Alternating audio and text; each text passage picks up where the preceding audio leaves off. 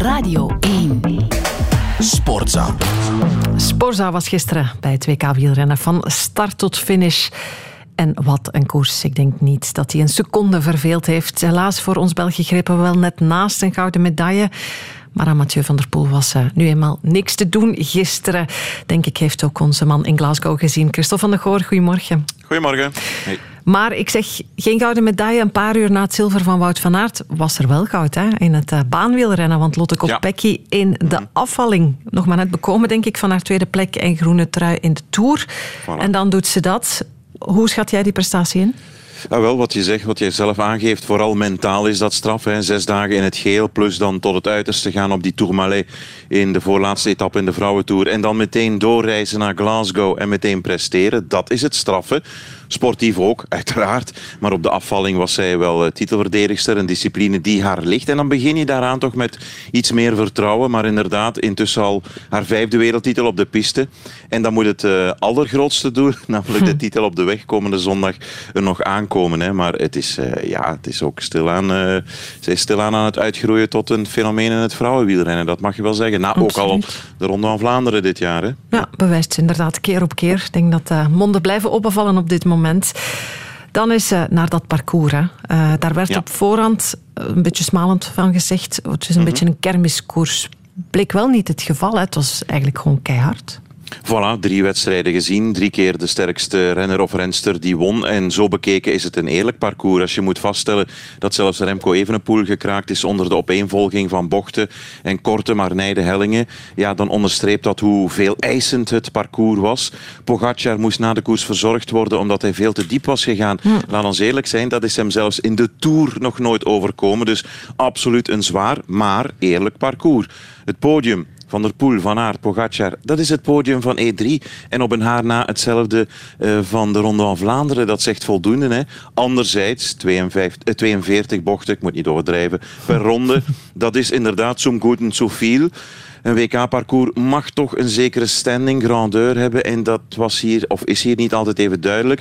Wat is dan wel het perfecte parcours? Hè? Dat is de vraag. Ja. Hoe vaak hebben we niet een, een, een WK-parcours gehad met één of twee hellingen en daar moest het dan gaan gebeuren. Maar omdat iedereen dan bang was van die hellingen, gebeurde het pas in de allerlaatste ronde. Was dat dan zo geweldig? Ik denk het ook niet. Dus ja, het is nu wat het is. We hebben uh, de sterkste renners en rensters gehad die winnen. Laten we ons daarop houden dat het een eerlijk parcours nou. is. Oké, okay. en met een zeer sterke Belgische ploeg, uh, denk ik, supersterk misschien als geheel. Als we dan terugblikken, zou jij dan zeggen dat ze ergens toch een fout gemaakt hebben? Nee, dat denk ik niet. Um, nee, verre van. Jasper Philipsen een beetje onder de maat gebleven als enige.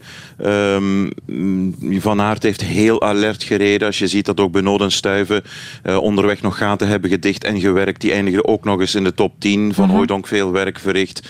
Uh, van Aert constant alert vooraan. Kampenaard, Slampaard, weinig in beeld geweest. Al zegt dat niet altijd alles natuurlijk. Um, nee, het was... Evenepoel had toch iets meer moeite ook met die opeenvolging voor het nemen van bochten dan gedacht. Ja, niet helemaal dat zijn was ook parcours. een van de favorieten, toch? Hè? Ja, dat is waar. Maar toch uh, een beetje onderschat, hè, de opeenvolging van, van die bochten. En dat is niet helemaal... Kijk, de eendagskoersen die jij wint, zoals Luik, Bastenaken-Luik en Classica San Sebastian, is heel veel rechtdoor of, of bergop, uh, als ik een beetje kort door de bocht ga.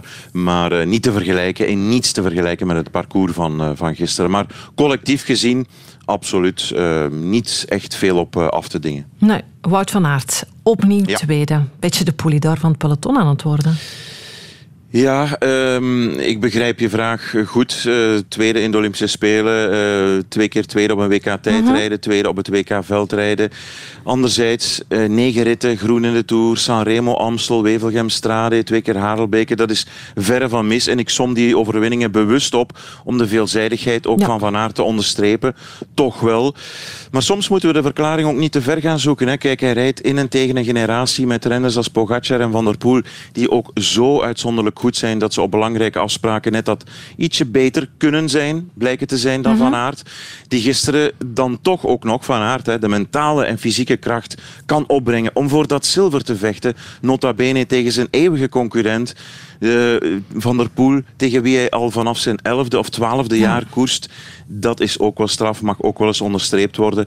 Maar maak je nu de vergelijking wat betreft de absolute topkoersen, de monumenten, dan heeft Van der Poel een duidelijke voorsprong genomen. Dat klopt wel. Absoluut, maar Van Aert staat wel naast hem en Pogacar op dat podium. Een podium dat we niet snel gaan vergeten, denk ik, van Glasgow 2023.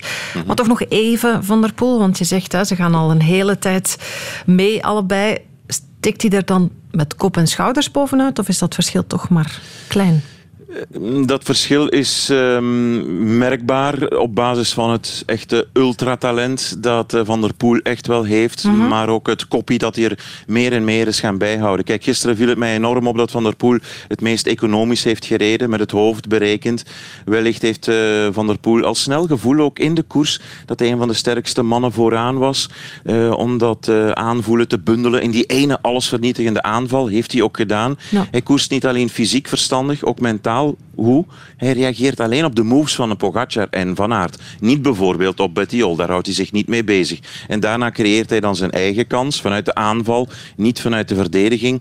En ook dingen in het verleden, zoals bijvoorbeeld die domme val op de Olympische Spelen van het plankje, mountainbiken, vorig jaar de, de, de Hotelgate.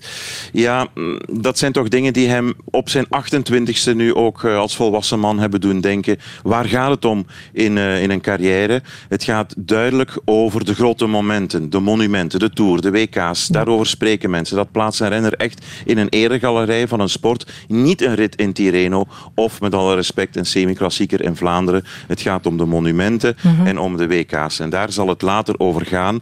En hij valt op weg naar die wereldtitel. Maar zelfs dat blijkt bij zo'n omstandigheid uh, helemaal niet erg te zijn in zijn geval. En dan blijft hij ook nog eens rustig. Ja, een mix van vader uh, Van der Poel, die ook klassiekers heeft gewonnen en kleinzoon van uh, Poulidor. De jongen is in een gigantisch vat met uh, heel veel talent uh, gevallen. En dat hebben we gisteren nog eens gezien ja. in Glasgow. Daar ben jij ook voor ons. Hè. Veel succes daar nog, Christophe van de Goor. Dankjewel. Dankjewel voor nu. Sportza. Sportza.